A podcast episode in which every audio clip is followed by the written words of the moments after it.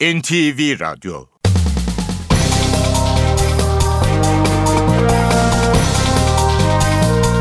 İşe Giderken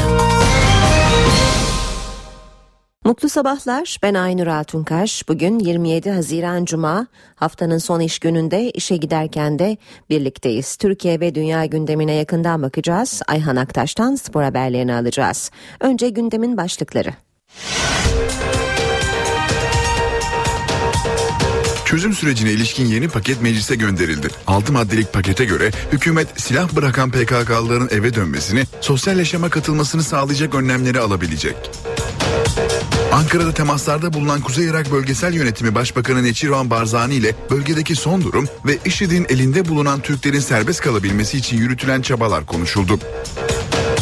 Dışişleri Bakan Yardımcısı Naci Koru, Irak'ta alıkonulan tır şoförlerinin aileleriyle bir araya geldi. Koru bugün de Musul'da alıkonulan 49 konsolosluk personelinin aileleriyle görüşecek.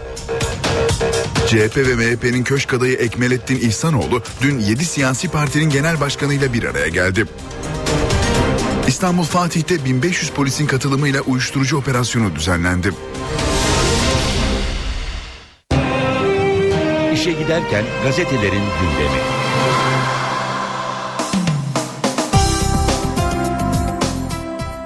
Hürriyetle başlayalım. Sür manşette o hakimleri ben atadım. Başlığını görüyoruz. Cumhurbaşkanı Gül'ün açıklamaları var.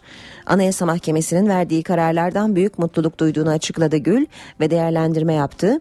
Anayasa Mahkememizin mevcut 17 üyesinden 11'ini ben atadım. Atamaları yaparken her şeyden önce görevlerinin yani Anayasa Mahkemesi hakimi olmanın gerektirdiği liyakati dikkate aldım.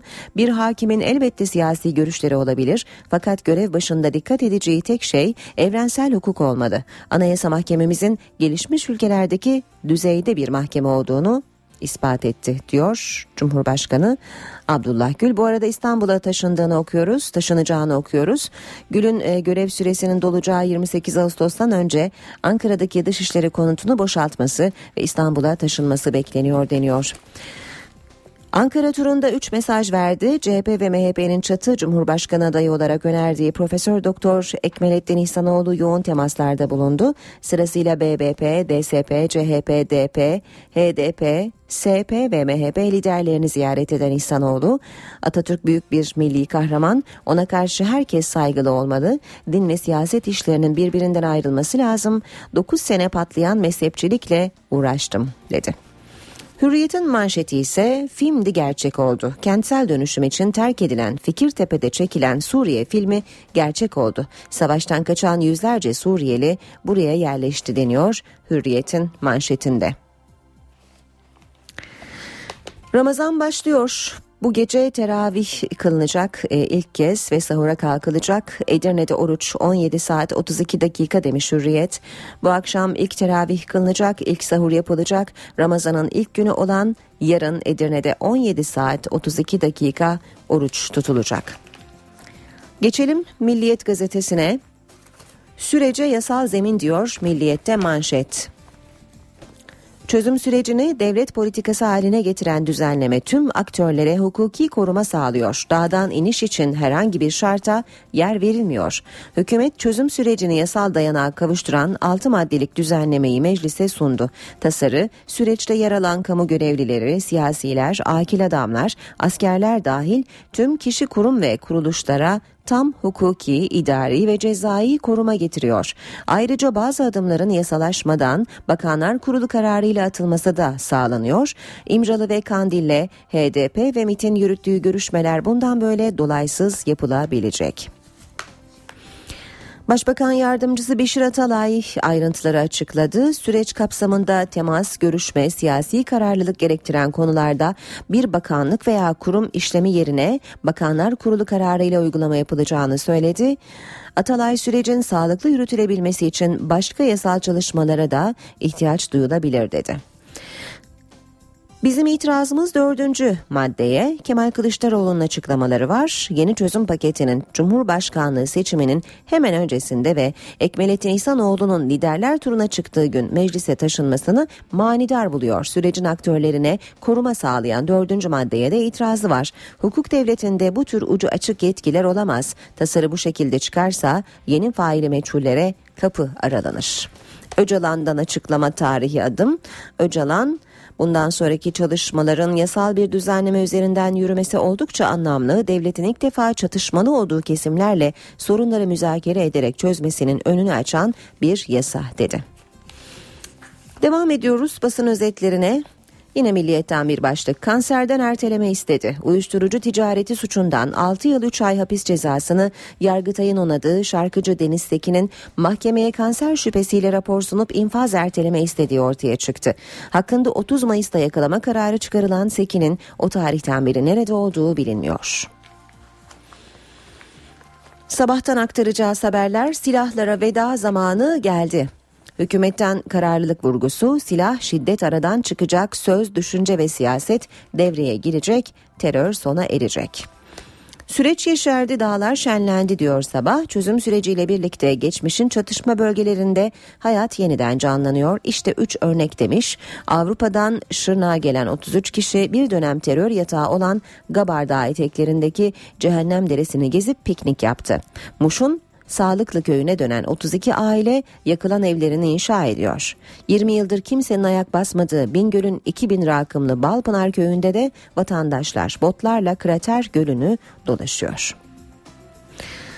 Almanya lider çıktı. Dünya Kupası G grubunda Amerika'yı yenen Almanya lider olarak turladı. Son 16 için farklı kazanması gerektiği maçta Gana'yı sadece 2-1 mağlup eden Portekiz evinin yolunu tuttu. Bu sonuçta Amerika'da ikinci turun sevincini yaşadı. Cezayir tarih yazdı. Çakır'ın yönettiği maçta Rusya beraberliğiyle tarihinde ilk kez tur atlayan Cezayir Almanya ile eşleşti. H grubunun lideri Belçika'nın rakibi ise Amerika Birleşik Devletleri. Ve İtalya maçında Suarez rakibini ısırmıştı. Isırın faturası 4 ay men 9 milli maç ceza. Geçelim Cumhuriyet gazetesine. Adı var içeriği yok diyor manşeti Cumhuriyet'in. Hükümet geniş yetki istediği ve pazarlığa endeksli çözüm paketini meclise taşıdı. AKP hükümeti köşk seçimleri öncesi apar topar meclise sunduğu çözüm paketiyle süreçte tek yetkiyi kendisine verecek. Terörün sona erdir, e, erdirilmesi ve toplumsal bütünleşmenin güçlendirilmesi başlıklı yasa tasarısına göre iktidar siyasi ve hukuki adımları belirlemek için genel yetki aldıktan sonra meclis devre dışı kalacak gerektiğinde yurt içindeki ve yurt dışındaki kişi kurum ve kuruluşlarla görüşülebileceği belirtilen tasarı Kandil ve İmralı ile doğrudan temasın yolunu açacak. Tasarı Tasarının gerekçesinde Öcalan'ın dinamik bir süreç, halkın ve sivil toplumun sürece aktif katılımı sözlerinin yer alması da dikkat çekti diyor Cumhuriyet haberinde. Devam ediyoruz basın özetlerine işe giderken de Habertürk'e bakalım. Habertürk'ün manşeti resmen çözüm. Hükümetin meclise sevk ettiği yeni paketin ayrıntılarına Habertürk gazetesi de yer veriyor manşetinde. Devam edelim yine Habertürk'ten aktarmaya. Sığır pahalıysa kuzu alın. Tarım Bakanlığı Müsteşarı Mir Mahmutoğulları Ramazan'da et fiyatı 28 liraya aşarsa almayın balon fiyattır açıklaması yaptı. Büyük baş fiyatı çok artarsa kuzu eti yiyin hem koyun daha sağlıklı kas lifleri yağ dağılımı homojen lezzetli diye de ekledi. Yeni Şafak gazetesiyle devam edelim basın özetlerine. Çok yaklaştık diyor manşet. Hükümet kararlılıkla sürdürdüğü çözüm sürecini 6 maddelik paketle meclise taşıdı. Başbakan yardımcısı Atalay barışı kalıcı hale getirecek tarihi düzenlemeyle eve dönüş aşamasına yaklaşıldığını söyledi. Tek Irak için mutabakat hükümeti diyor bir başka başlıkta Yeni Şafak. Başbakan Erdoğan, Irak Kürt Bölgesel Yönetimi Başbakanı Neçirvan Barzani ile ülkedeki son gelişmeleri ele aldı. Dışişleri Bakanı Davutoğlu, Enerji Bakanı Yıldız ve MİT Müsteşarı Fidan'ın da hazır bulunduğu görüşmede Irak'ı mezhep çatışmasından kurtaracak, toprak bütünlüğü ve siyasal birliği sağlayacak bir mutabakat hükümeti üzerinde duruldu. Maliki'yi kurtarmak, IŞİD'in Irak'ta petrol bölgelerini işgal etmesi ve rafineri merkezi Beyci ile ülkenin dört büyük doğal gaz tesisini ele geçirmesi Maliki'nin dostlarını panikletti. Tahran, Tel Aviv, Şam, Londra ve Washington petrol için birleşti. Amerika Bağdat'a yeniden asker gönderdi. İran devrim muhafızları ve 70 ton askeri malzemeyi Irak'a nakletti. İsrail ve Ürdün'de teyakkuzda deniyor. Zaman gazetesine de bakacağız. Bu ülkede ikinci bir emre kadar herkes şüpheli diyor manşeti zamanın. Savcı Serdar Coşkun'un emniyete gönderdiği skandal talimata göre bu başlığı atıyor zaman bütün sivil grup ve cemaatlerin ellerinde ne var ne yok fişlenecek. Sokakta dolaşan sakallı şalvarlı birisi radikal İslamcı terör örgütü şüphesi sayılabilecek. Üniversite eğitimi yüksek lisans ve doktora için yurt dışına gidenler hakkında eğitim aşamalarında usulsüzlük yapılmıştır diye araştırma başlatılabilecek deniyor haberin devamında. Saat 7.17 işe giderken de beraberiz gündeme yakından bakacağız. Milli Güvenlik Kurulu 5 saat süren toplantıda çözüm süreci Irak ve paralel yapıyı görüştü. Milli Güvenlik Kurulu bildirisinde çocukları da kaçırılan annelerin çabaları da takdir edildi. Milli Güvenlik Kurulu paralel yapıyla mücadele, çözüm süreci Irak ve Suriye'yi konuştu. Saat 15'te başlayan MGK tam 5 saat sürdü. Toplantının ardından yapılan yazılı açıklamada 4 önemli başlık öne çıktı. İlki çözüm süreciydi. Çocukları PKK tarafından kaçırılan annelere atıf yapıldı. Halkımızın huzur ve güvenliğini tehdit eden eylemler ile bunlara karşı alınan ve alınması planlanan tedbirler ayrıntılı olarak görüşülmüş, çözüm sürecinde gelinen aşama değerlendirilmiştir. Bu kapsamda terör örgütünce daha kaçırılan çocukların durumu üzerinde önemli durulmuş, annelerin çabaları takdirle karşılanmıştır. Paralel yapıyla mücadele de kurulun gündemindeydi. MGK açıklamasında devlet içindeki illegal yapılanmalara yönelik yürütülen adli ve idari işlemler hakkında kurula bilgi sunuldu denildi. Irak'ta alıkonulan Türklerin durumu da bir diğer önemli başlıktı. Toplantıda Musul Başkonsolosluğu personeli ve tır şoförlerinin durumu gözden geçirildi. Açıklamada ayrıca Irak'ta mezhep temelli bir çatışma ortamına dönüşme eğilimi gösteren şiddet olaylarının bölgeye yansımalarının müzakere edildiği ifade edildi. Irak'ın toprak bütünlüğüne ve siyasal birliğine de vurgu yapıldı. Suriye'deki gelişmeler de Irak'taki gelişmelerle bağlantılı olarak değerlendirildi. Çözüm sürecine ilişkin yeni paket meclise gönderildi. 6 maddeden oluşan düzenlemeye göre çözüm süreciyle ilgili kararları Bakanlar Kurulu verecek.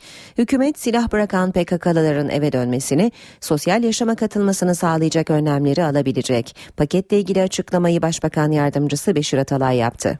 Çözüm süreciyle ilgili tedbirleri alma yetkisi hükümette olacak. Süreci yürütenlerin hukuk ve cezai sorumluluğu olmayacak. 6 maddelik yeni çözüm paketi meclise sunuldu. Biz çözümün e, e, son e, safhasına doğru yaklaştığımızın e, e, tespiti içindeyiz. Terörün sona erdirilmesi ve toplumsal bütünleşmenin güçlendirilmesi isimli düzenleme çözüm sürecinde tüm yetkiyi Bakanlar Kurulu'na veriyor. Bu yetki çerçevesinde hükümet yurt içi, yurt dışındaki kuruluşlarla temas kurulmasına karar verebilecek, kişi ve kurumlara görevlendirebilecek. Sürecin koordinasyonunu ise kamu düzeni ve güvenliği müsteşarlığı yürütecek. Düzenlemenin bir başka önemli maddesi de eve dönüşlerle ilgili. Meclise gönderilen tasarıyla hükümete silah bırakan teröristlerin eve dönmelerini, sosyal yaşama katılmalarını sağlayacak tedbirleri alma yetkisi de veriliyor. Devletin de e, bu insanların evlerine, normal hayatta, siyasete dönmeleri için e, kendine düşen çalışmaları yapmasıdır. İşin özü budur. Paketle süreç aktörlerine de yasal koruma geliyor. Tasarının dördüncü maddesinde verilen görevleri yerine getiren kişilerin hukuki, idari veya cezai sorumluluğu doğmaz denildi. Hükümetin e, bu konuya ne kadar kararlı e, baktığının ve sonuca doğru e, ne kadar kararlı bir yerde durduğunun ifadesidir. Çözüm süreci paketi 2 Temmuz çarşamba günü Meclis İçişleri Komisyonu'nda görüşülecek. Paket meclis tatile girmeden yasalaştırılacak. Yeni çözüm paketi muhalefetin de yakın takibinde. Pakete CHP kısmen olumlu bakıyor. MHP tepkili, HDP ise memnun. Parti sözcüleri CHP'li Engin Altay, MHP'li Oktay Vural ve HDP'li Hasip Kaplan'ın açıklamaları. Bu bir devlet politikası değil. Bu bir hükümet politikası. Devlet, devlet politikası, politikası olması için e, uzlaşma gerekir. Buradan kimse bir şey beklemesin. Bu yasa milli birlik ve bütünlüğümüzün zeminini ortadan kaldırmak, bölücü emellerinin meşrulaştırılmasını sağlamak amacıyla hazırlanmış bir çerçeve promosyon teşvik yasasıdır. Çözüm sürecine yasal güvence getiren tasarıya muhalefetin eleştirileri peş peşe geldi. CHP paketin tümüne karşı olmadığına vurgu yapıyor. Ancak süreçte rol alanların cezai yaptırımlardan muaf tutulması maddesine tepki var. Eğer burası hukuk devleti ise hukuk herkes içindir ve her şey içindir. Şu konular hukuktan muaf olmaz. Şu kişiler cezai, hukuki ve idari sorumluluğu yok diye görevlendirilemez. MHP'nin eleştirisi ise paketin tümüne yönelik. Bu tasarının nihai hedefi terörist başını İmralı'dan çıkartmak, PKK'yı siyasallaştırmak, Erdoğan'ı ise Cumhurbaşkanı yapmaktır. HDP ise düzenlemeden memnun. Şırnak Milletvekili Asip Kaplan, paket son derece önemli, hayırlı olsun dedi.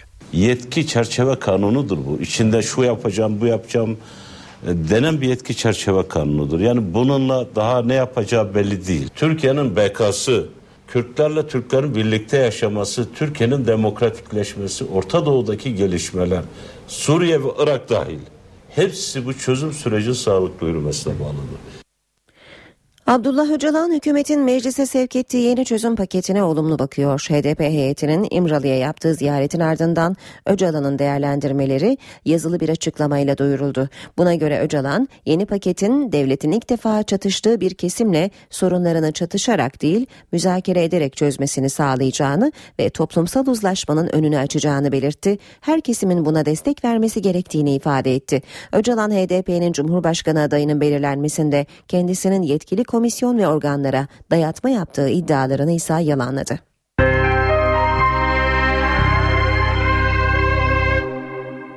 CHP ve MHP'nin köşk adayı Ekmelettin İhsanoğlu çalışmalarına başladı. Dün 7 siyasi partinin genel başkanıyla bir araya geldi. Laiklik, Atatürkçülük, başörtüsü gibi konularda düşüncelerini açıkladı. İhsanoğlu, CHP Genel Merkezi'ni ziyaretinde kendisine yönelik eleştirilere de yanıt verdi. Önce CHP lideri Kemal Kılıçdaroğlu, ardından da MHP lideri Devlet Bahçeli. Ekmelettin İhsanoğlu, çatı aday fikrinin sahibi iki liderle ilk kez çıktı kameralar karşısına. Sayın artık Ekmel Bey diyoruz Anadolu'nun tabiriyle. Ekmel Bey'e başarılar diliyorum efendim. Teşekkür ederim. Sağ olun. İhsanoğlu 7 siyasi partinin genel başkanıyla görüştü. Büyük bölümünden destek mesajları aldı. Mesele artık çatı çatı, pencere, kapı falan şeklinde değil, milli mütabakat şeklinde büyüyor. İhsanoğlu CHP'de il başkanları toplantısına da katıldı. İl başkanlarından da çatı adaya tam destek geldi. Bazı çevreler yanlış tanıyor. Onların bu yanlışlarını e, düzeltmem gerekiyor. Günlük politika peşinde bir şeye evet deyip ak deyip ertesi gün kara diyen e, pozisyon değiştiren bir insan değilim. Ben bu cumhuriyetin kurulu olduğu ilkelere ve anayasada beyan edilen vasıflarına sadık bir Türk vatandaşıyım. Bir başka önemli duraksa çatı aday fikrini gündeme getiren MHP'ydi. Başörtüsü haktır. Başörtüsü kızlarımızın, kadınlarımızın istediği şekilde olması lazım. Ben üniversitede öğretim üyesiyken o günkü baskı karşısında üniversiteden 10 sene erken ayrılmama sebep olmuştu. İhsanoğlu'na destek verdiğini açıklayan liderlerden biri de Demokrat Parti Genel Başkanı Gültekin Uysal. İhsanoğlu Ankara'da Halkların Demokratik Partisi, Saadet Partisi, Büyük Birlik Partisi ve Demokratik Sol Parti'yi de ziyaret etti. CHP Genel Başkanı Kemal Kılıçdaroğlu Cumhurbaşkanlığı seçim kampanyası için Almanya'da. Kılıçdaroğlu Ekmelettin İhsanoğlu'nu Almanya'daki Türklere tanıtmayı amaçladıklarını söyledi. CHP Genel Başkanı Kemal Kılıçdaroğlu iki günlük ziyaret için Almanya'da. Kılıçdaroğlu Köln'de VDR Funkhaus Avrupa Köln Radyosu'na konuk oldu. CHP lideri programda Cumhurbaşkanı adayının siyasete bulaşmamış biri olması gerektiğini belirtti. Kılıçdaroğlu Başbakan Erdoğan Cumhurbaşkanı adayı olacak mı sorusuna mutlaka olacaktır diye cevap verdi. CHP lideri Kılıçdaroğlu program sonrası gazetecilerin sorularını yanıtladı. Sayın Ekmelettin İhsanoğlu tanıtmaya çalışacağız. Ee, Türkiye'de yaptığımız gibi e, anayasaya bağlılığı, layık demokratik sosyal hukuk devletine bağlılığı, cumhuriyetin değerlerine bağlılığı, halkın değerlerine bağlılığı e, bunları anlatacağız. Kılıçdaroğlu Düsseldorf'ta Türk iş adamlarıyla da akşam yemeğinde bir araya geldi. Kılıçdaroğlu bugün Köln'de kilise ve cami ziyaret edecek. Alevi Birlikleri Federasyonu'nda kanaat önderleriyle buluşacak. Kültür ve Turizm Bakanı Ömer Çelik CHP ve MHP'nin çatı aday girişimini eleştirdi. Çelik bu siyasi uzlaşma değil siyasi iflastır dedi. Birbirine zıt siyasi fikirlerdeki partilerin tırnak içerisinde uzlaşma adına kendi siyasi fikirlerin dışın fikirlerini bir kenara bırakarak siyasi tabanlarının toplumsal taleplerini temsil etmeyi bir kenara bırakarak bir uzlaşma gerçekleştirmeleri siyasi uzlaşma anlamına gelmez. Bu tamamen bir tür e, siyasi iflas anlamına gelir. Problem budur. Muhalefet partilerinin ta baştan itibaren siyaset dışı aday arayışları aslında uzlaşma adına bu aday aradıklarını söylüyorlar ama siyaset dışı aday arama çabası sivil siyaset karşısında yeni vesayet biçimleri arama arayışıdır.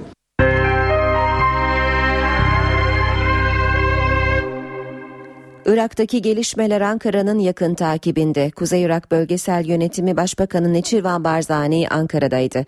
Barzani ile yapılan görüşmelerde bölgedeki son durum ve IŞİD'in elinde bulunan Türklerin serbest kalabilmesi için yürütülen çabalar konuşuldu. Kuzey Irak Bölgesel Yönetimi Başbakanı Neçirvan Barzani, Ankara'da önce Dışişleri Bakanı Ahmet Davutoğlu ve Enerji Bakanı Taner Yıldız'la bir araya geldi. Yanında Kuzey Irak Bölgesel Yönetimi Tabi Kaynaklar Bakanı Aşli Havrami de vardı. MİT Müsteşarı Hakan Fidan, Dışişleri Müsteşarı Feridun Sinirlioğlu'nun da katıldığı toplantıda Musul ve Kerkük'teki durum ele alındı. Ayrıca Musul'da alıkonulan 80 Türk'ün serbest kalabilmesi için yürütülen çabalarda görüşüldü.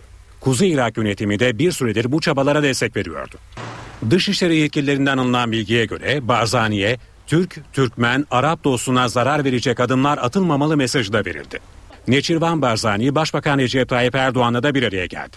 Başbakanlıktan yapılan açıklamaya göre görüşmede bölgedeki istikrarsızlığın ve güvenlik sorununun endişe verici olduğuna vurgu yapıldı. Irak Başbakanı Maliki, Amerikan yönetiminin ulusal birlik hükümeti kurulması talebini reddetti. Görüşmede bu konuda ele alındı. Her iki tarafta krizin aşılması için Irak'ta tüm kesimleri kuşatan bir mutabakat hükümetinin kurulmasının gerektiğine işaret etti. Enerji işbirliği alanında işbirliğini sürdürme konusunda kararlılık mesajı da verildi. Kuzey Irak Bölgesel Kürt Yönetimi Başkanı Mesut Barzani, peşmergelerin kontrolü ele geçirmesinin ardından ilk kez Kerkük'e gitti. Kerkük'ün Kürt bölgesine ait olduğunu savunan Barzani'nin ziyareti sembolik önem taşıyor. Kerkük'teki yetkililerle görüşen Barzani, kenti Irak Şam İslam Devleti örgütüne karşı korumakla görevlendirilen peşmergeye moral verdi. Barzani'yi kentin savunması için gerekirse peşmergelere katılabileceğini söyledi. İki hafta önce IŞİD'in başlattığı saldırıların ardından Irak ordusu Kerkük'teki kışlalarını da terk ederek kaçmış, onların yerini dolduran peşmerge güçleri kentte kontrolü tamamen ele geçirmişti.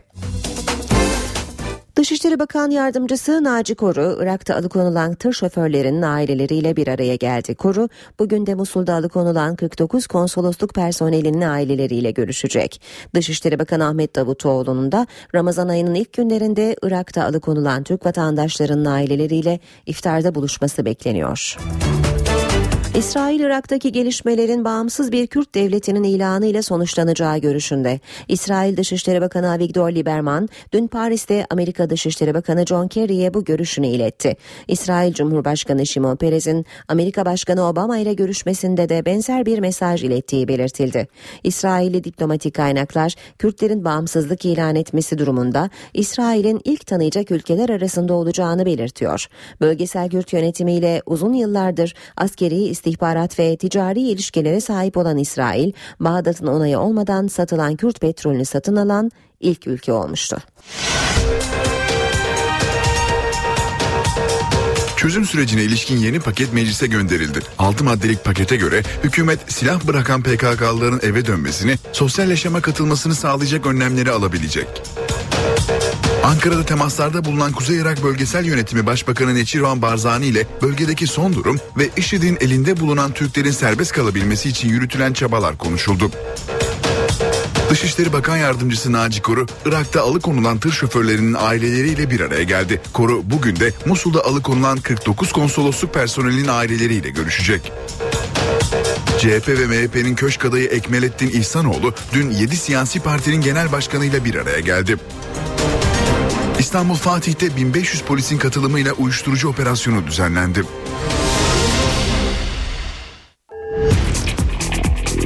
Spor haberleri başlıyor.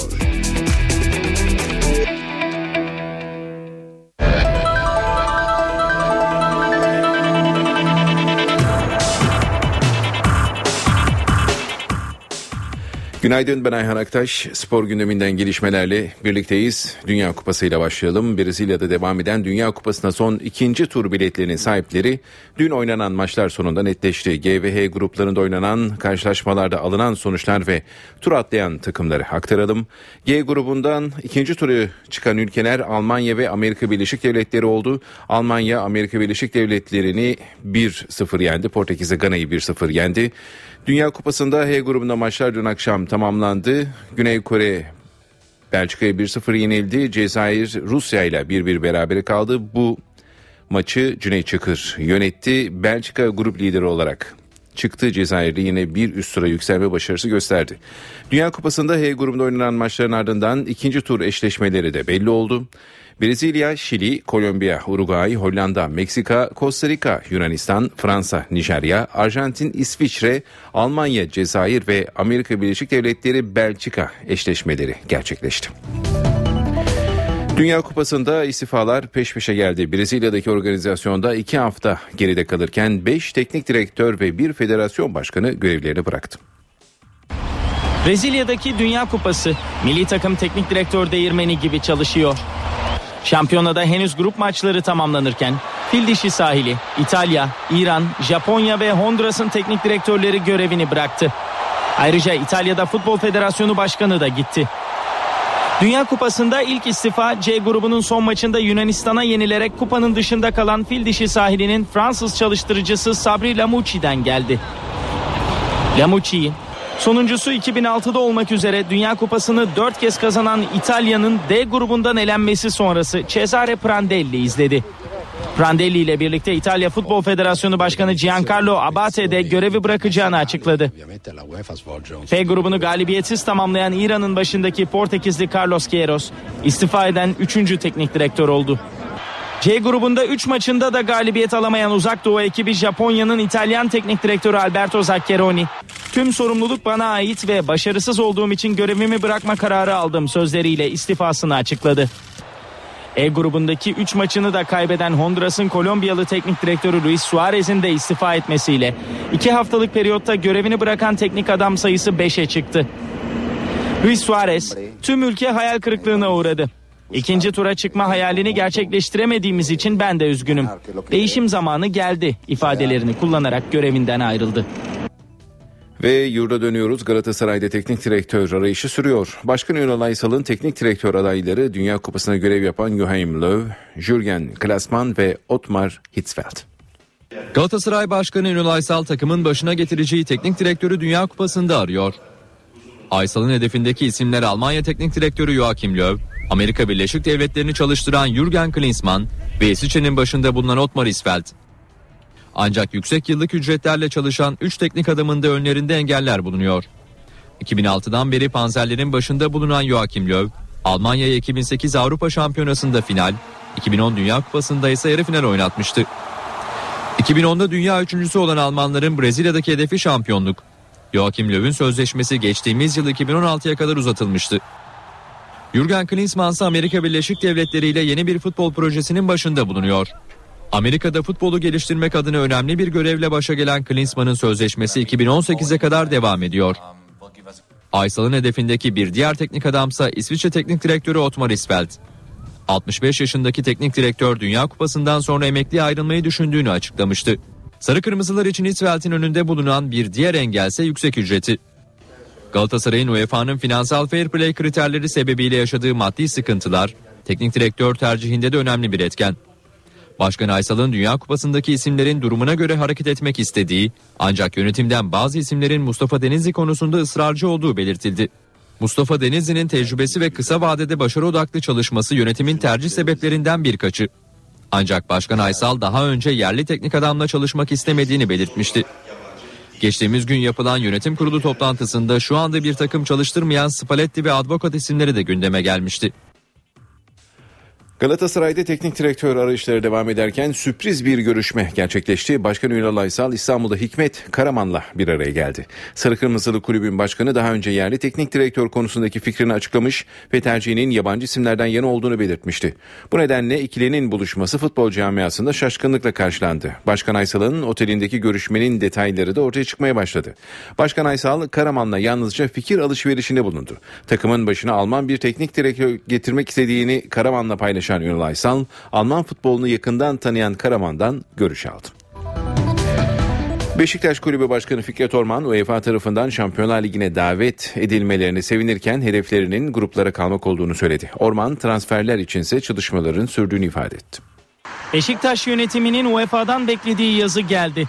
UEFA Genel Sekreteri Gianni Infantino imzalı yazıda Beşiktaş 2014-2015 sezonu için Şampiyonlar Ligi'ne davet edildi.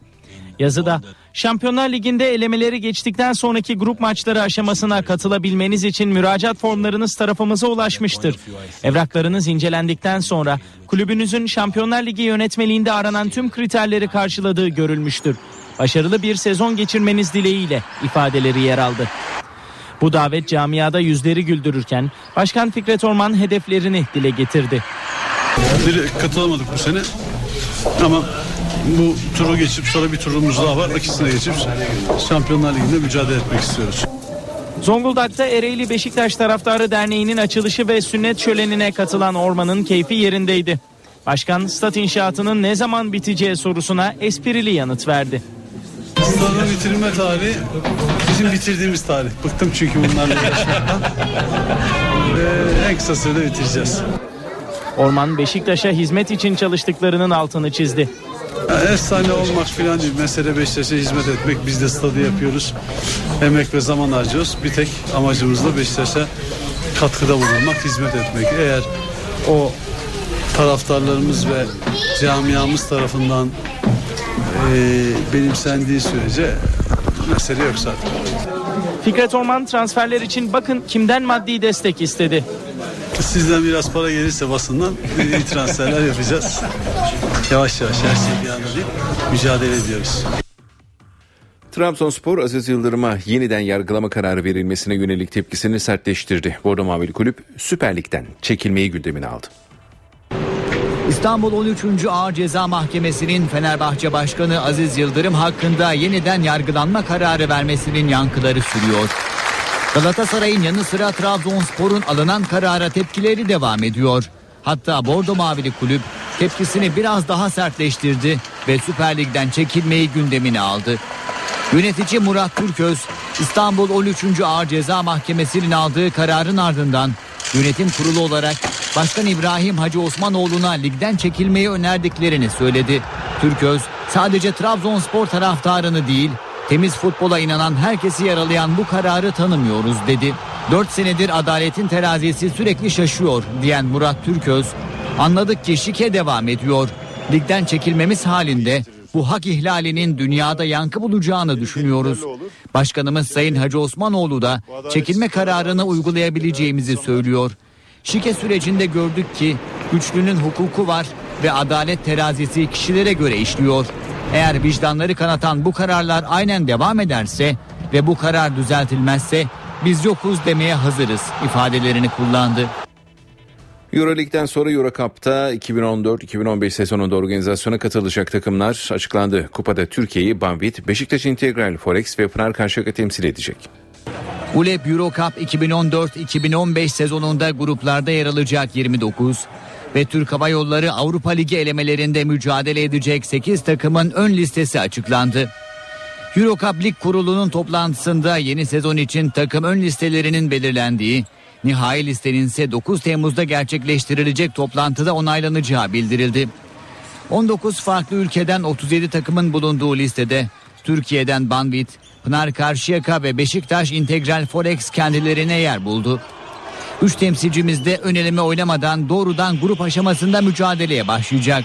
Statüye göre Turkish Airlines Euroleague elemelerinden gelecek 7 ekibinde katılımıyla oluşacak 36 takım. Normal sezonunda 6'şar kulübün bulunduğu 6 grupta mücadele edecek. Gruplarda ilk 4'e giren 24 ekip ve Euroleague'den elenen 8 takım son 32 turuna katılacak. Dörder takımın yer alacağı 8 grubu ilk iki sırada tamamlayan ekipler 8'li finale katılmaya hak kazanacak. Bu aşamadan sonra tüm maçlar eleme usulü oynanacak. Bu haberimizde spor bültenimizi tamamlıyoruz. İyi günler diliyoruz. NTV Radyo Herkese yeniden günaydın. İşe giderken haberler bu bölümde de devam edecek. Önce gündemin başlıklarını hatırlayalım ardından hava durumuna bakacağız. Çözüm sürecine ilişkin yeni paket meclise gönderildi. 6 maddelik pakete göre hükümet silah bırakan PKK'lıların eve dönmesini, sosyal yaşama katılmasını sağlayacak önlemleri alabilecek. Ankara'da temaslarda bulunan Kuzey Irak Bölgesel Yönetimi Başbakanı Neçirvan Barzani ile bölgedeki son durum ve IŞİD'in elinde bulunan Türklerin serbest kalabilmesi için yürütülen çabalar konuşuldu. Dışişleri Bakan Yardımcısı Naci Koru, Irak'ta alıkonulan tır şoförlerinin aileleriyle bir araya geldi. Koru bugün de Musul'da alıkonulan 49 konsolosluk personelinin aileleriyle görüşecek. CHP ve MHP'nin köşk adayı Ekmelettin İhsanoğlu dün 7 siyasi partinin genel başkanıyla bir araya geldi. İstanbul Fatih'te 1500 polisin katılımıyla uyuşturucu operasyonu düzenlendi. Şimdi hava durumu için Gökhan Abur'la beraberiz. Merhaba Sayın Abur. Merhaba günaydın. E, dün yurdun büyük bölümünde sıcaklıkların rekor kırabileceğini söylemiştik. Hakikaten evet. de sıcak bir gün oldu. E, bugün ama biraz daha farklı çünkü rüzgarın yönü değişik. Öyle olunca da bu sefer nem e, yükseliyor. Yani siz daha iyi bilirsiniz tabii ama. tabii dün aslına bakarsanız e, İstanbul'da sıcaklıklar 33 ile 35 derece arasında yer yer değişti ama nem oranı çok yüksekti. Yani öyle saatlerinde böyle ben canlı yayında Emir yanındaydım. E, nem oranı %50'ler hatta yer yer %48'lerle 52'ler arasında değişiyordu. Bu tabii bunaltıcılığı bir hayli arttırdı. Hep bizim verdiğimiz şartlar gölgedeki sıcaklıklar ama hemen şunu vurgulamak istiyorum. Akdeniz çok sıcaktı. Dünyaya 40 dereceye geçen sıcaklıklar görüldü ama nem çok düşüktü. %20'lerdeydi öyle saatlerinde.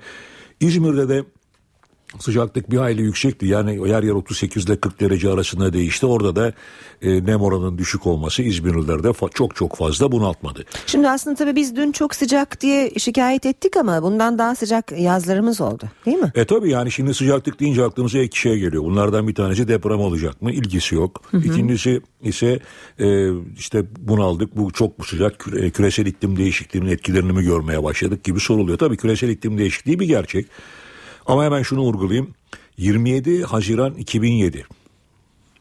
Yani en bundan tam 7 Haziran, yıl önce. Evet en, en sıcak Haziran aylarından bir tanesi. İstanbul'da ölçülen hava sıcaklığı 40.6 derece olmuş. Dün 26 Haziran'da dün ölçtüğümüz sıcaklık 34-35 derecelerde. Dün Peki. Antalya çok sıcaktı. Antalya'da da 27 Haziran 2007'de ölçülen sıcaklık değeri 44.8 derece olmuş. İzmir'de ise 2007 ee, senesinde sıcaklık e, çok yüksek değerlere çıkmamış. Orada 1990 senesinde 41.3 ölçülmüş. Dün de İzmir'de 38-39 derecelere çıkmıştı. Peki 2007'deki o sıcakları hatırlayanlar vardır şu anda vardır, bizi tabii yani, dinleyenler arasında. E, o, o sene hatta o, e, yanlış hatırlamıyorsam aynı yıl içinde e, Temmuz ayı da bir hayli sıcak geçmişti. Evet sıcaklıklar özellikle bugün itibaren e, Batı Karadeniz, Trakya, e, Marmara ve Kuzey Ege'de rüzgarın e, kuzeye dönmesiyle birlikte giderek biraz azaldı. Düne göre bugün sıcaklıklar biraz daha eksik olacak. Şu anda İstanbul'da 25 derece olan hava sıcaklığının bugün İstanbul'da yine düne göre biraz azalmasını 32'ler 33'lere kadar çıkabileceğini görüyoruz. Ama yarın sıcaklıklar bugüne göre 5-6 derece daha azalacak ve bugün e, Sıcaklıklar yer yer 30 ile 32 derece arasında değişirken yarın bu değerler 27-28'lere düşecek. Ama hemen ufak da olsa bir uyarıda bulunmak istiyorum. Çünkü geçen hafta maalesef e, İstanbul'da da gençlerimizi kaybettik. Yarın cumartesi ve pazar günü hava güzel ama Poyraz var. Öğleden sonra Poyraz'ın etkisini daha da arttıracağı için özellikle Karadeniz kıyılarında yani Kilyos, Şile, Şile gibi bölgelerde denize girerken çok dikkatli olun. Mümkün olduğunca açılmayın evet, ve kıyıda evet. durun. Çünkü öğleden sonra Poyraz sert esecek veya estiği sertte ters dalga ve ters akıntı oluşturacağı için risk bir hayli fazla olacak. Evet. Evet iç kesimlerde de sıcaklıklar yükseliyor. Yağış var mı? Yağış Edirne 40 derece arasında hafif görülebilir. Akşama doğru Eskişehir Ankara arasında hafif yağış bekliyoruz. Yine Karabük Kastamonu başta olmak üzere Batı Karadeniz'de yağış var. Doğuda yağış yok. Yarın batıda yağış gözükmezken doğuda hafif yağışlar yeniden başlayacak. Pazar günleri Rize, Artvin ve doğuda Van Hakkari arasında kısa süreli yağışlar görülecek. Pazar günü Alanya, Anamur, Mersin arasında da çok kısa süreli yağışlar görülebilir. Daha dengeli, daha rahat nefes alabileceğimiz bir hafta sonu bizleri bekliyor diyebilirim. Peki teşekkürler Gökhan Avur. NTV Radyo Çözüm sürecine ilişkin yeni paket meclise gönderildi. 6 maddeden oluşan düzenlemeye göre çözüm süreciyle ilgili kararları Bakanlar Kurulu verecek. Hükümet silah bırakan PKK'lıların eve dönmesini, sosyal yaşama katılmasını sağlayacak önlemleri alabilecek. Paketle ilgili açıklamayı Başbakan Yardımcısı Beşir Atalay yaptı.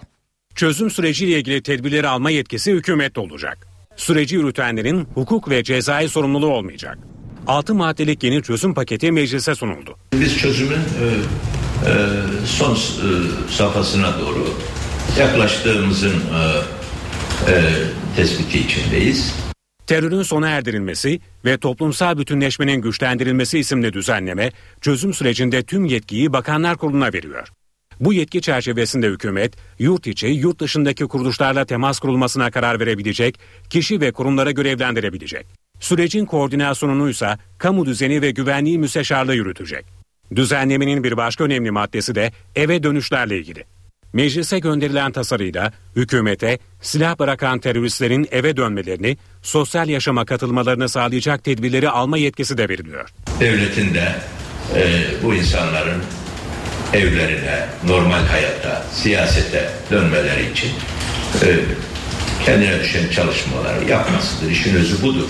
Paketle süreç aktörlerine de yasal koruma geliyor. Tasarının dördüncü maddesinde verilen görevleri yerine getiren kişilerin hukuki, idari veya cezai sorumluluğu doğmaz denildi.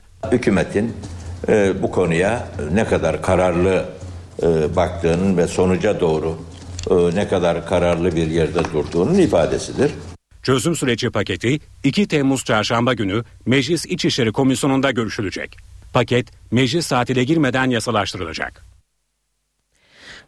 Adalet ve Kalkınma Partisi 4 eski bakan için kurulan soruşturma komisyonuna isimleri bildirdi. AK Parti'ye düşen 9 üyelik için 27 isimlik liste meclis başkanlığına sunuldu.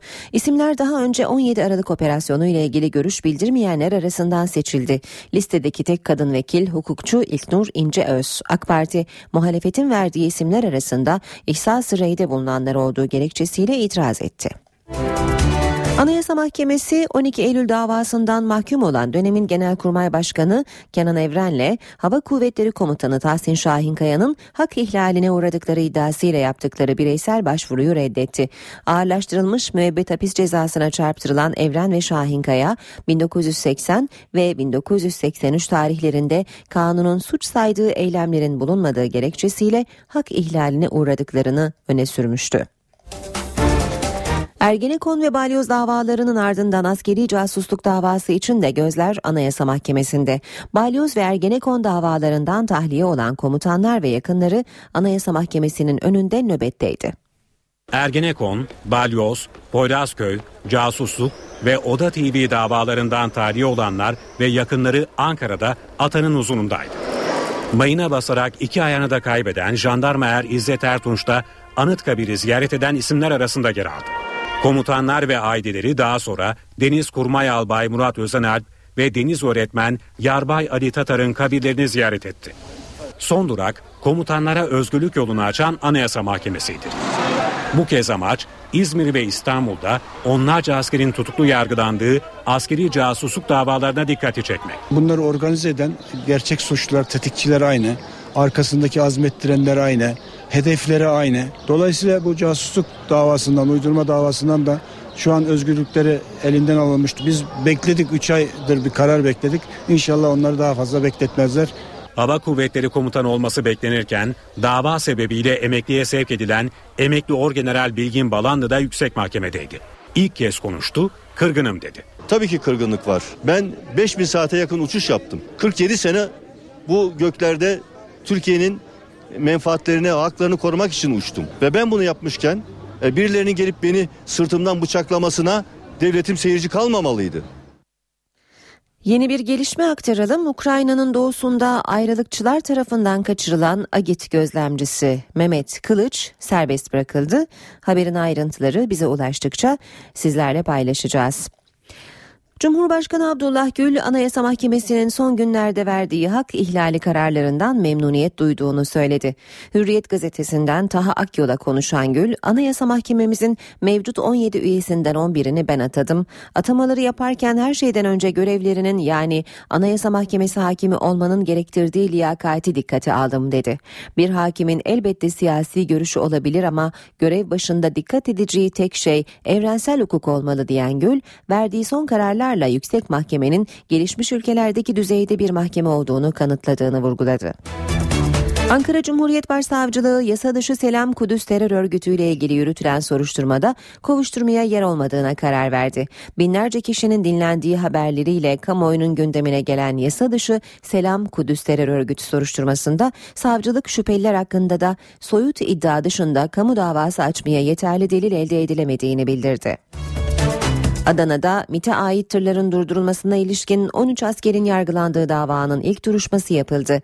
7. Ağır Ceza Mahkemesi'nde başlayan duruşmaya tutuksuz yargılanan 13 asker de katıldı. Duruşmayı izlemek için Adana'ya giden CHP Hatay milletvekilleri Refiker Yılmaz ve Mevlüt Dudu gizlilik kararı nedeniyle içeriye alınmadı. Milletvekili Er Yılmaz tırlarda silah yüklü olduğunu ve bunun gizlenmeye çalışıldığını savundu. Davaya bakan mahkeme başkanının jandarma komutanının tutuklanması edilmesi için nöbetçi hakime baskı yaptığı iddiasını hatırlatan Er Yılmaz, mahkeme başkanının kesinlikle bu davaya bakmaması lazım dedi. Sanık avukatları reddi hakim talebinde bulundu. Mahkeme talebin değerlendirilmesi için dosyayı 8. Ağır Ceza Mahkemesi'ne göndererek duruşmayı erteledi.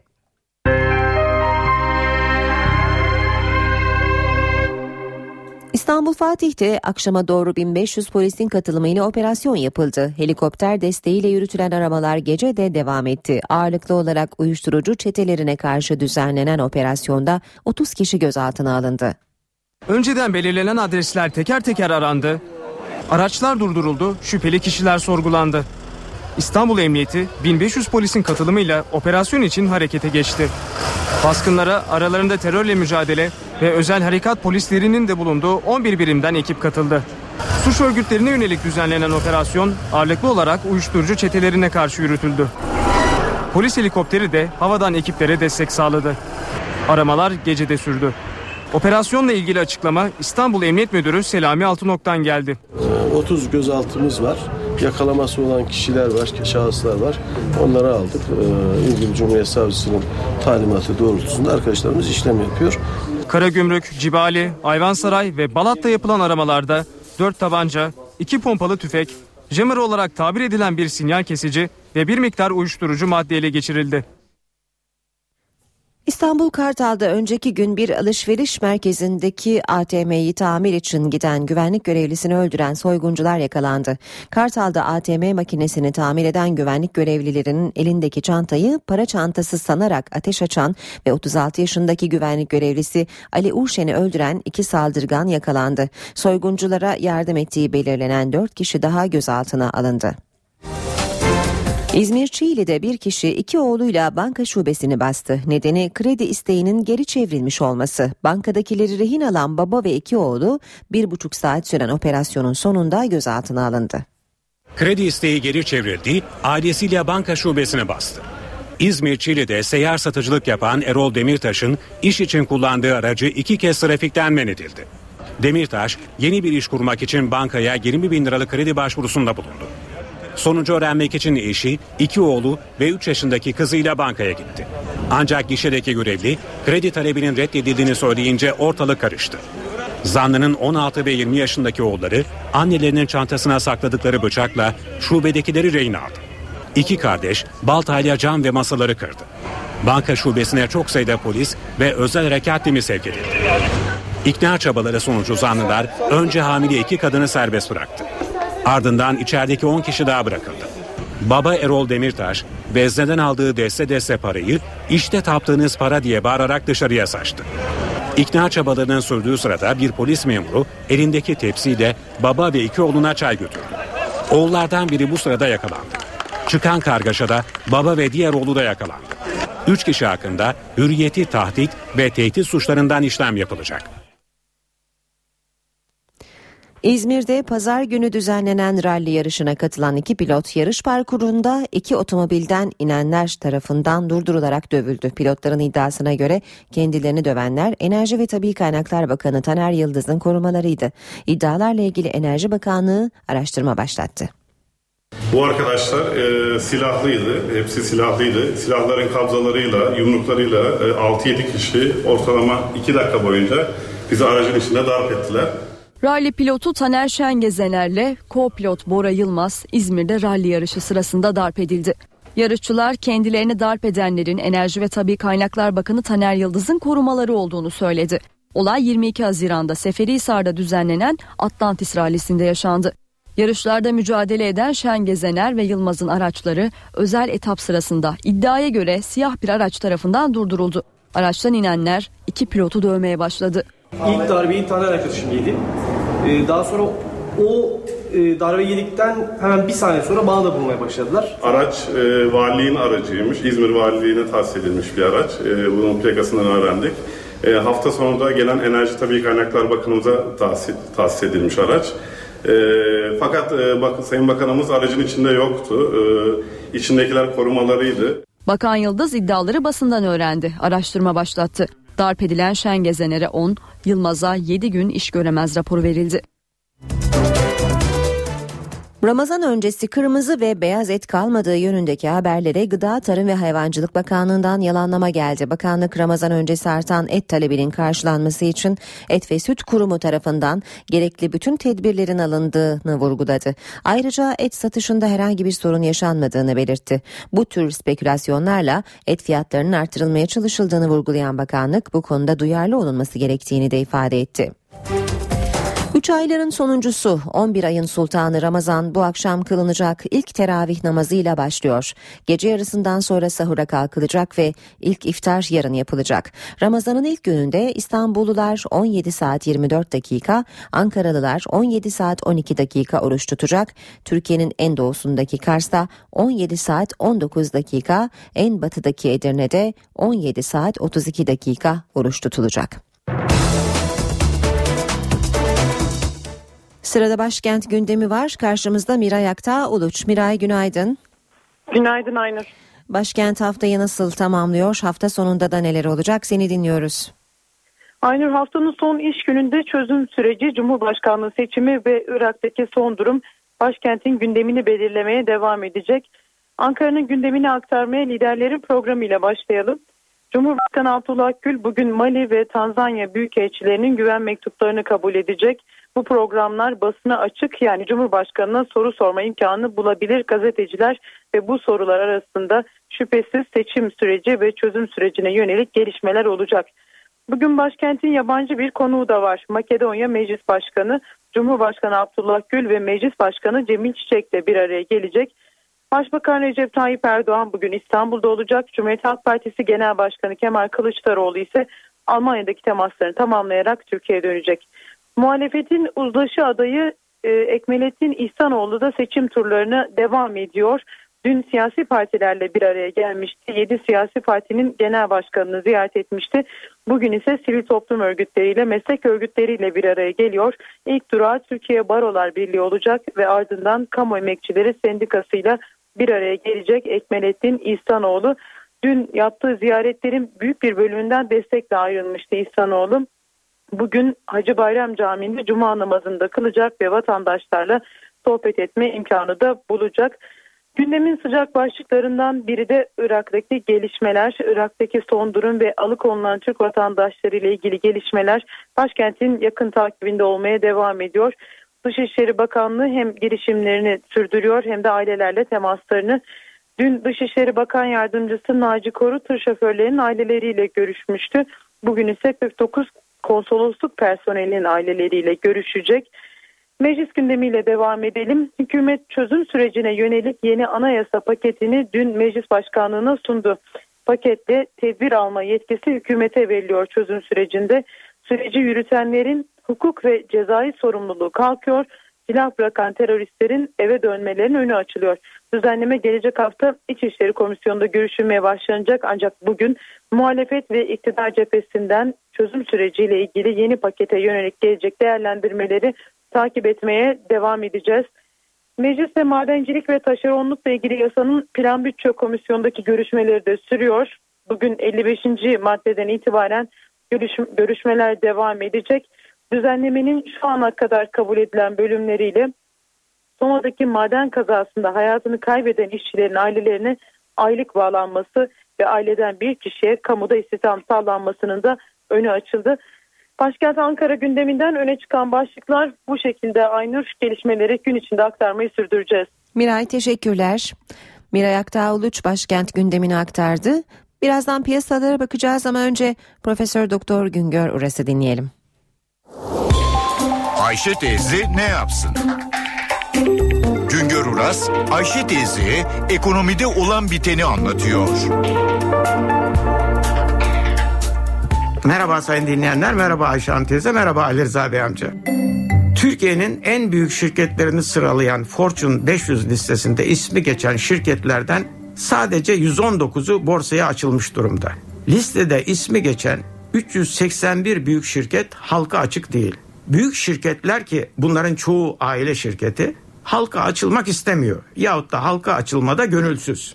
Hisse senetleri borsada işlem görmüyor. Bu durumda halka açılan şirketlerin bazıları zayıf ve mali yapıları güçlendirme arayışında olan küçük şirketler oluyor. 2012 yılında 25 şirket halka açıldı. 521 milyon lira hisse senedi sattı. 2013 yılında halka açılan şirket sayısı 15 oldu. 1 milyar liralık hisse senedi satışı yapıldı. Borsanın sebebi hikmeti büyümek yani yatırıma yönelmek isteyen şirketlere finansman imkanı sağlamaktır. Halkın birikimleri bu tür şirketlere yönlendirilmelidir. Borsa kazan kazan sistemine dayanır. Halka açılan da kazanacak, halka açılana birikimini yatıran da kazanacak. Borsa kurulduğundan bu yana 28 yıllık dönemde hisse senetleri borsada işlem gören 66 şirket maalesef borsadan çekildi, battı. 28 şirket gözaltı pazarında. Bütün bu olumsuzluklara rağmen Borsa İstanbul şirket sayısı ve işlem bakımından diğer ülkelerle yarışıyor. Çünkü bizde çok sayıda küçük şirket borsaya girmiş durumda. Az sayıdaki bireysel yatırımcı kısa dönemli fiyat hareketlerinden yararlanma arayışında bolca alım satım yapıyor. Hisse senetlerinin %60-65'ine sahip olan yabancılar daha az alım satım yaparken yerli küçük yatırımcılar devamlı alım satım yaparak borsayı canlı tutuyor. 2014 yılının ilk 3 aylık verilerine göre gelişmekte olan ülkeler arasında borsada işlem gören şirket sayısı bakımından Türkiye 423 şirket ile ikinci sırada. Birinci sırada 906 şirket ile Malezya var. Türkiye'den sonra 370 şirketle Brezilya, 257 şirketle Rusya geliyor. Borsa şirketlerinin piyasa değerinde Türkiye dördüncü sıraya düşüyor. Malezya'nın borsa şirketlerinin piyasa değeri 1,5 trilyon dolar. Brezilya'nın 460 milyar dolar. Rusya'nın 320 milyar dolar, Türkiye'nin ise 268 milyar dolar. İşlem hacmi bakımından da Türkiye 87 milyon işlem hacmi ile ikinci sırada. Birinci sırada 160 milyon işlem hacmiyle Brezilya var.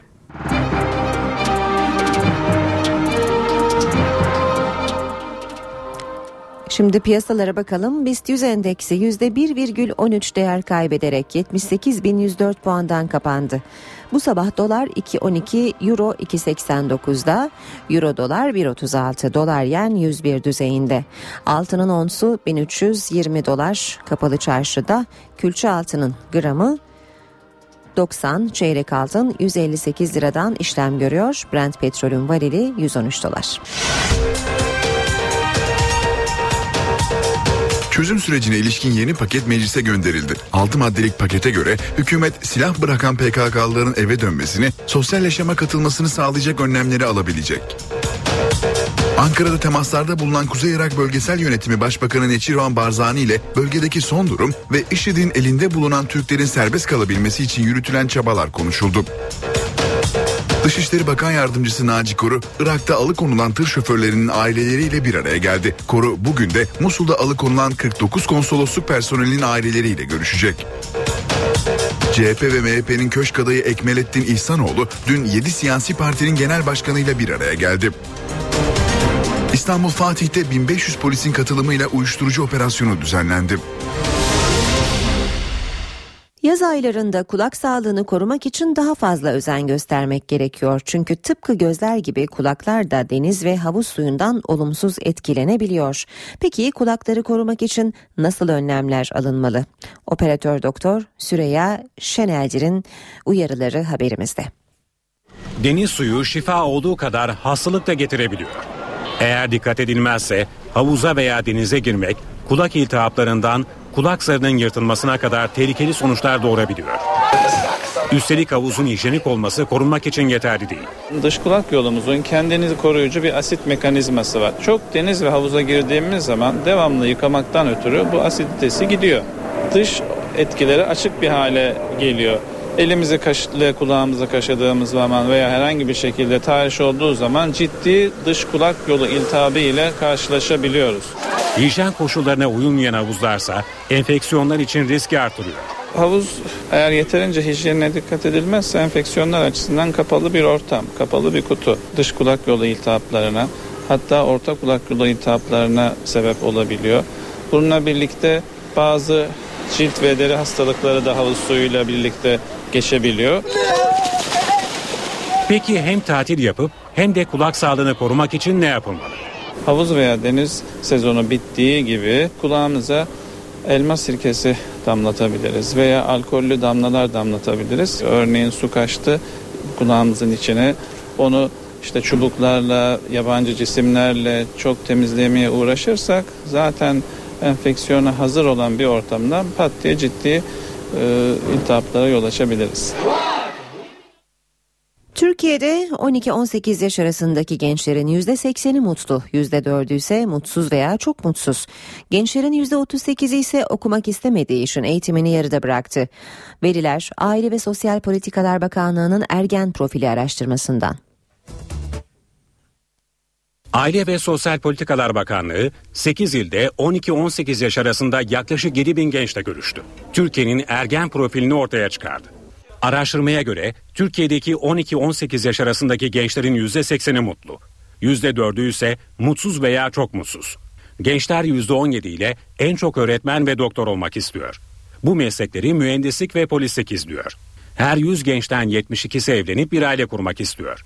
Araştırmaya katılan gençlerin %38'i okumak istemediği için eğitimini yarıda bıraktı. Çalışan gençlerin %40'ı okul yerine çalışmayı seçme nedenini maddi durumlarının yetersiz olması olarak gösterdi. Gençler arasında en çok okul ve sınavlarla kız erkek arkadaşlar ve giyim kuşam konuları konuşuluyor. Aile içinde en çok tartışma ise babayla dışarı çıkma, arkadaş seçimi, eve geç gelme ve parasal konularda yaşanıyor.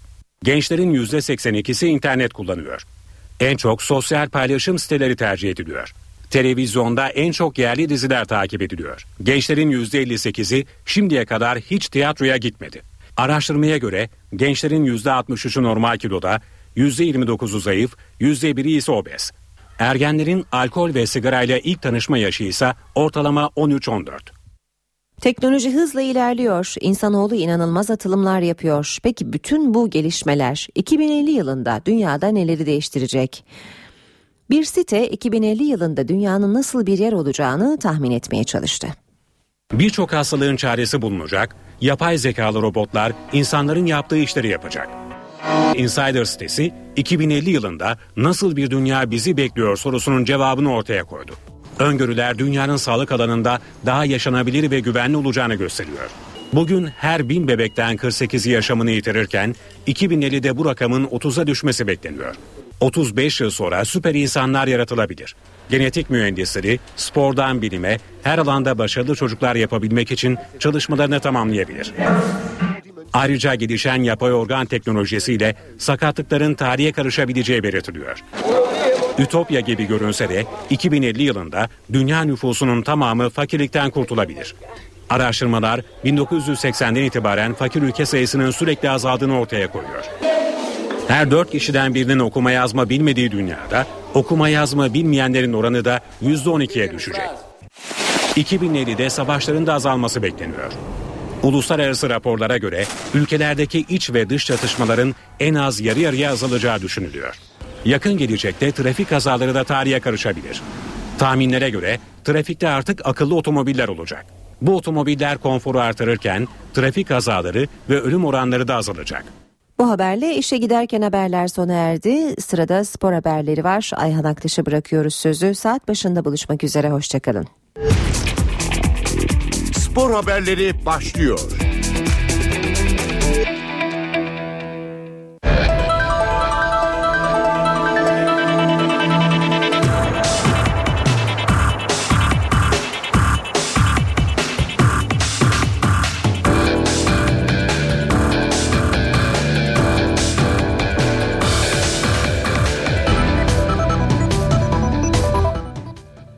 Günaydın ben Ayhan Aktaş spor gündeminden gelişmelerle bir kez daha sizlerle birlikteyiz. Galatasaray'da teknik direktör arayışı sürüyor. Başkan Ünal Aysal'ın teknik direktör adayları Dünya Kupası'na göre yapan Joachim Löw, Jürgen Klinsmann ve Otmar Hitzfeld. Galatasaray Başkanı Ünal Aysal takımın başına getireceği teknik direktörü Dünya Kupası'nda arıyor. Aysal'ın hedefindeki isimler Almanya Teknik Direktörü Joachim Löw, Amerika Birleşik Devletleri'ni çalıştıran Jürgen Klinsmann ve İsviçre'nin başında bulunan Otmar Hitzfeld. Ancak yüksek yıllık ücretlerle çalışan 3 teknik adamın da önlerinde engeller bulunuyor. 2006'dan beri panzerlerin başında bulunan Joachim Löw, Almanya'ya 2008 Avrupa Şampiyonası'nda final, 2010 Dünya Kupası'nda ise yarı final oynatmıştı. 2010'da dünya üçüncüsü olan Almanların Brezilya'daki hedefi şampiyonluk. Joachim Löw'ün sözleşmesi geçtiğimiz yıl 2016'ya kadar uzatılmıştı. Jürgen Klinsmann ise Amerika Birleşik Devletleri ile yeni bir futbol projesinin başında bulunuyor. Amerika'da futbolu geliştirmek adına önemli bir görevle başa gelen Klinsmann'ın sözleşmesi 2018'e kadar devam ediyor. Aysal'ın hedefindeki bir diğer teknik adamsa İsviçre Teknik Direktörü Otmar Isfeld. 65 yaşındaki teknik direktör Dünya Kupası'ndan sonra emekliye ayrılmayı düşündüğünü açıklamıştı. Sarı Kırmızılar için Isfeld'in önünde bulunan bir diğer engelse yüksek ücreti. Galatasaray'ın UEFA'nın finansal fair play kriterleri sebebiyle yaşadığı maddi sıkıntılar teknik direktör tercihinde de önemli bir etken. Başkan Aysal'ın Dünya Kupası'ndaki isimlerin durumuna göre hareket etmek istediği ancak yönetimden bazı isimlerin Mustafa Denizli konusunda ısrarcı olduğu belirtildi. Mustafa Denizli'nin tecrübesi ve kısa vadede başarı odaklı çalışması yönetimin tercih sebeplerinden birkaçı. Ancak Başkan Aysal daha önce yerli teknik adamla çalışmak istemediğini belirtmişti. Geçtiğimiz gün yapılan yönetim kurulu toplantısında şu anda bir takım çalıştırmayan Spalletti ve Advokat isimleri de gündeme gelmişti.